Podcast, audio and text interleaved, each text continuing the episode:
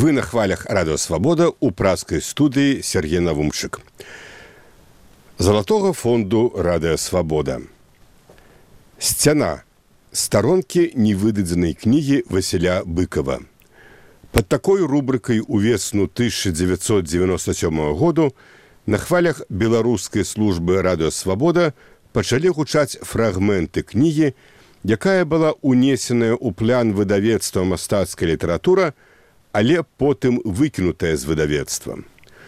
У той час Александр Лукашенко актывізаваў працэс аб'яднання Беларусі рассеі.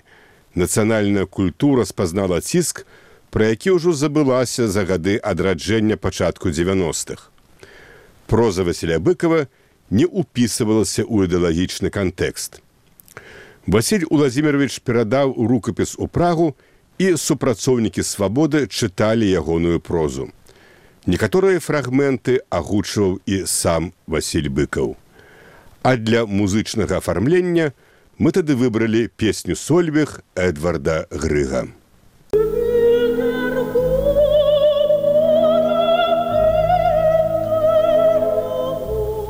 На чорных лядах фрагменты апавядання. Восем байцоў, рэшта аднаго са слуцкіх батальёнаў, абложаных чырвонаармейцамі недзе ў раёне морачы, самі асудзілі сябе на смерць. Яны вырашылі загінуць, не пакінуўшы па сабе нават імёнаў, каб не цягнуць на пагібель і сваіх родных. Адной рыдлёўкай па чарзе яны пачалі капаць агульную магілу.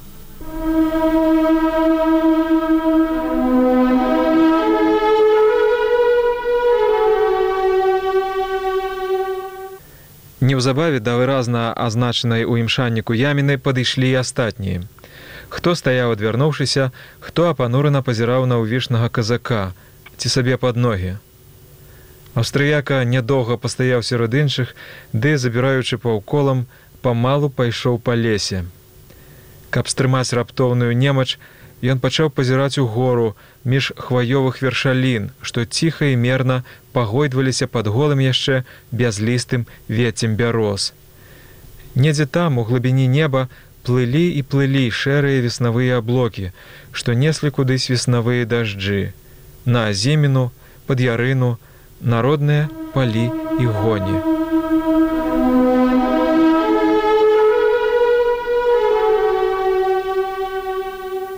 Камандзір крокі на тры адступіўшыся ад ямы, як заўжды, засяроджана стрыманым выглядам думаў сваю нячэпную думу пра гэтых людзей. Цяпер ім патрэбна была якая гадзіна спакою, каб не пашкодзілі тыя. Праўда, пакуль было ціха, але ён не меў ніякай гарантыі, што цішыня задоўжыцца і дасць магчымасць зрабіць задуманае. Вядома, ўсё тое было жахліва, не па-чалавечы і не па-боску, напэўна, але што ж было ім рабіць? Увесь гэты жах утварыўся не па іхнай волі. Д'ябал ці лёс падвялі іх менавіта да такога выніку іншага не выпадала. Іншы быў яшчэ болей жахлівы. З двух жахаў яны выбралі найменшы. Каб толькі давесці ўсё да канца, а там, А там хай жыве Беларусь без іх.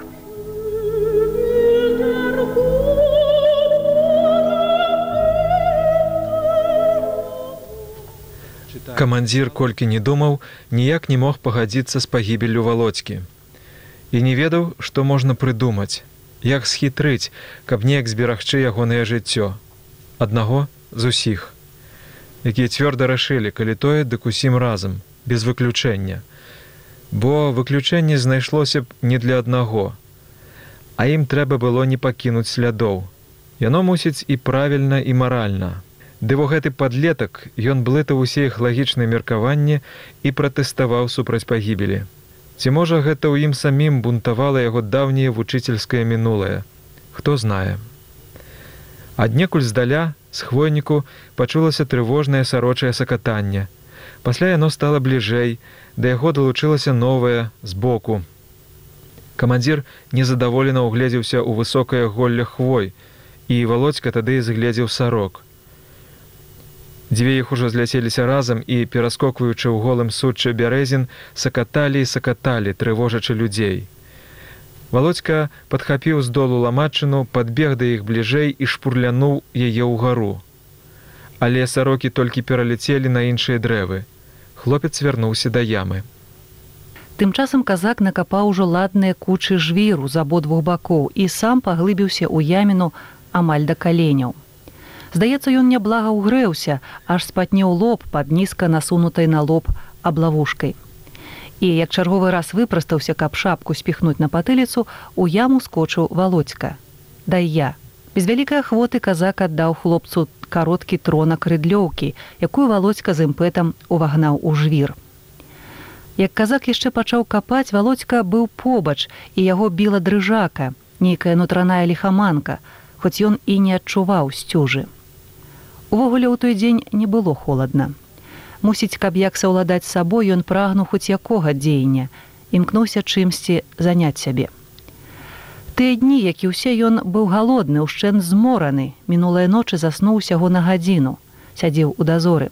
Але цяпер немаведама адкуль у яго ўзялося сілы, Ён капаў бы машына, хутка і напірыста, кідаў кідаў у бакі зямлю, не паднімаючы галаву ад долу і стараючыся ні пра што не думаць.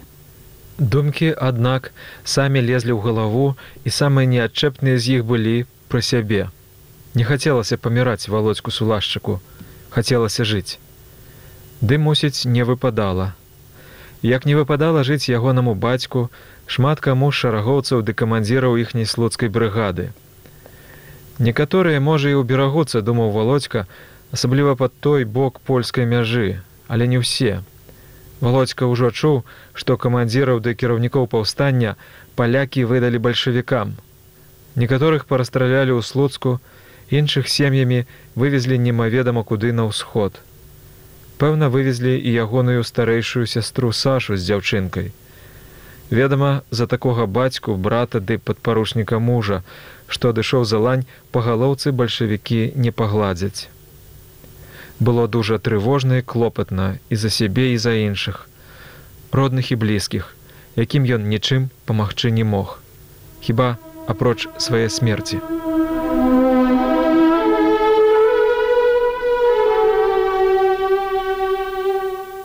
У гэтай невялічкай прымоўклай групе вайскоўцаў нутраная лихаманка біла ні аднаго володьку сулашчыка. Бадай усе яны ледзьве стрымлівалі нервовую дрыжаку Але можа, самы нецярплівы з іх быў аўстрыяка. Здаля абышоўшы яму, ён толькі аднойчы зыркнуў на володьку і падумаў, што капаюць яны надта марудна. Так можна і не паспець і дачакацца горшага, але ў яго ўжо не ставала сілы трываць. Ён угаворваў сябе. Хутка ўжо скончыцца, усё супакоіцца назаўсёды. Але спакою ад таго не прыбаўлялася, рабілася ўсё нясцерпней. Хоць у думках ён і казаў сабе, Ну чаго шкадаваць жыцця? Дык якое гэта жыццё? Гэта пекла боскае пакаранне а не жыццё. Дома у недалёкай адсюль вёсцы наўрад ці чакае яго нялюбая чужая жонка з чатырмя чужымі дзяцьмі. Маючы зямлю тая прыдбае і новага мужа. Родны брат застанецца адзіным гаспадаром на бедным надзеле і ніхто яму болей не будзе пагражаць дзяльбой хіба паплача крыху і супакоіцца ў звыклых клопатах пра дзяцей ды гаспадарку ягоная сястрыца. Усе як-небудзь пражывуць і без яго, як жылі без яго дагэтуль, калі ён не пашкодзіць. А можа і надта пашкодзіць, калі бальшавікі дазнаюцца, як ён ліха біў іх пад мазыром. Удалыя справы былі там у войску булак Булаховіча, хвацкі камандзір, не тое, што гэтыя. Гэтыя болей наконт палітыкі, усё пра Беларусь тое не можна гэта не дазваляецца. А генерал даваў волю і паваяваць і пагуляць калі як выпадала. Праўда аўстрыяку выпадала немат хіба ён да таго імкнуўся? Ён імкнуўся да міру хацеў зямлі ды не збылося. Як прыйшоў з вайны на свой бядняцкі надзел усё ў яго пайшло прахам На тым бацькоўскім надзеле не дужа дбайна гаспадарыў старэйшы брат казімір з трыма сынамі, якія далі яму гэтае прозвішча аўстрыяка. Спярша браты хацелі падзяліць гаспадарку і зямлю, але што б іх атрымалася з тых чатырох дзесяцін бацькоўскай зямлі. Мусіць нічога здатнага, і аўстрыяка адступіўся. Дужа яму не хацелася, але мусіў прыстаць прымаком да ўдавелай аўдохі, што жыла пры бальшаку наводчабе ад вёскі. Ажаніўся і стаў прывыкаць да іншага, нехаласцяцкага жыцця. Пасеяў азіміну, упершыню адчуўшы сябе гаспадаром, прывёў да ладу гумно і назапасіў дрэва на дошкі для падлогі.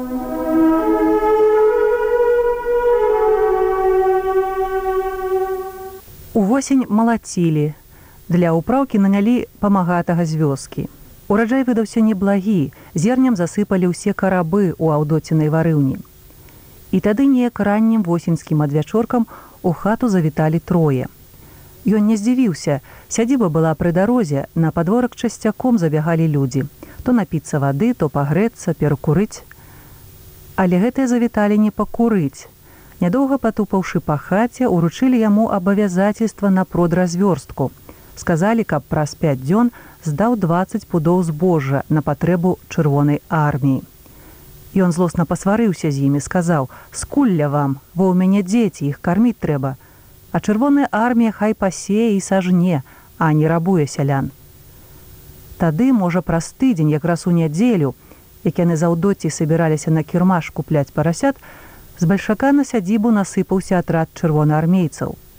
За 10 хвілін яны выграблі з варыўні ўсю збажыну. Чамусьці далей мо распісацца і паехалі ў горад.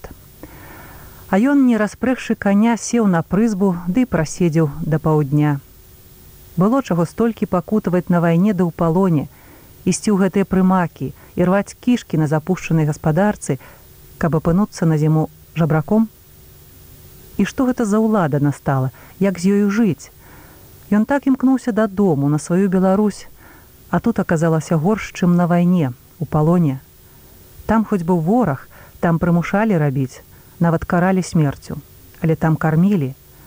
А чым тут ён накорміць гэтых рабят?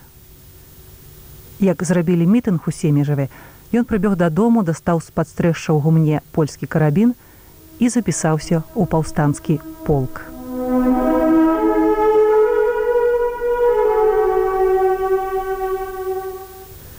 У панылым задуменні аўстрыяка далекавата адышоўся ад астатніх, пасля таропка вярнуўся, але яма ўсё была не гатовая.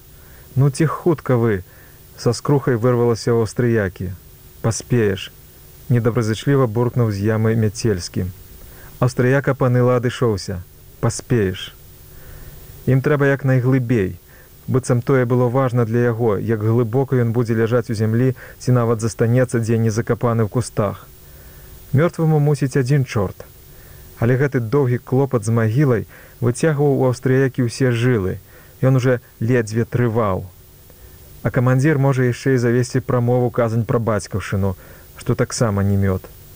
Не любіў аўстрыяка марудзіць ні ў якой справе, не той меў характар. А зрэшты, якога д'ябла яму зараз марудзіць, каго цяпер яму трэба слухаць. Ужо цяпер ён сам сабе гаспадар, тым больш што ў карабіне у яго засталіся тры патроны. Яму ж хопіць і аднаго.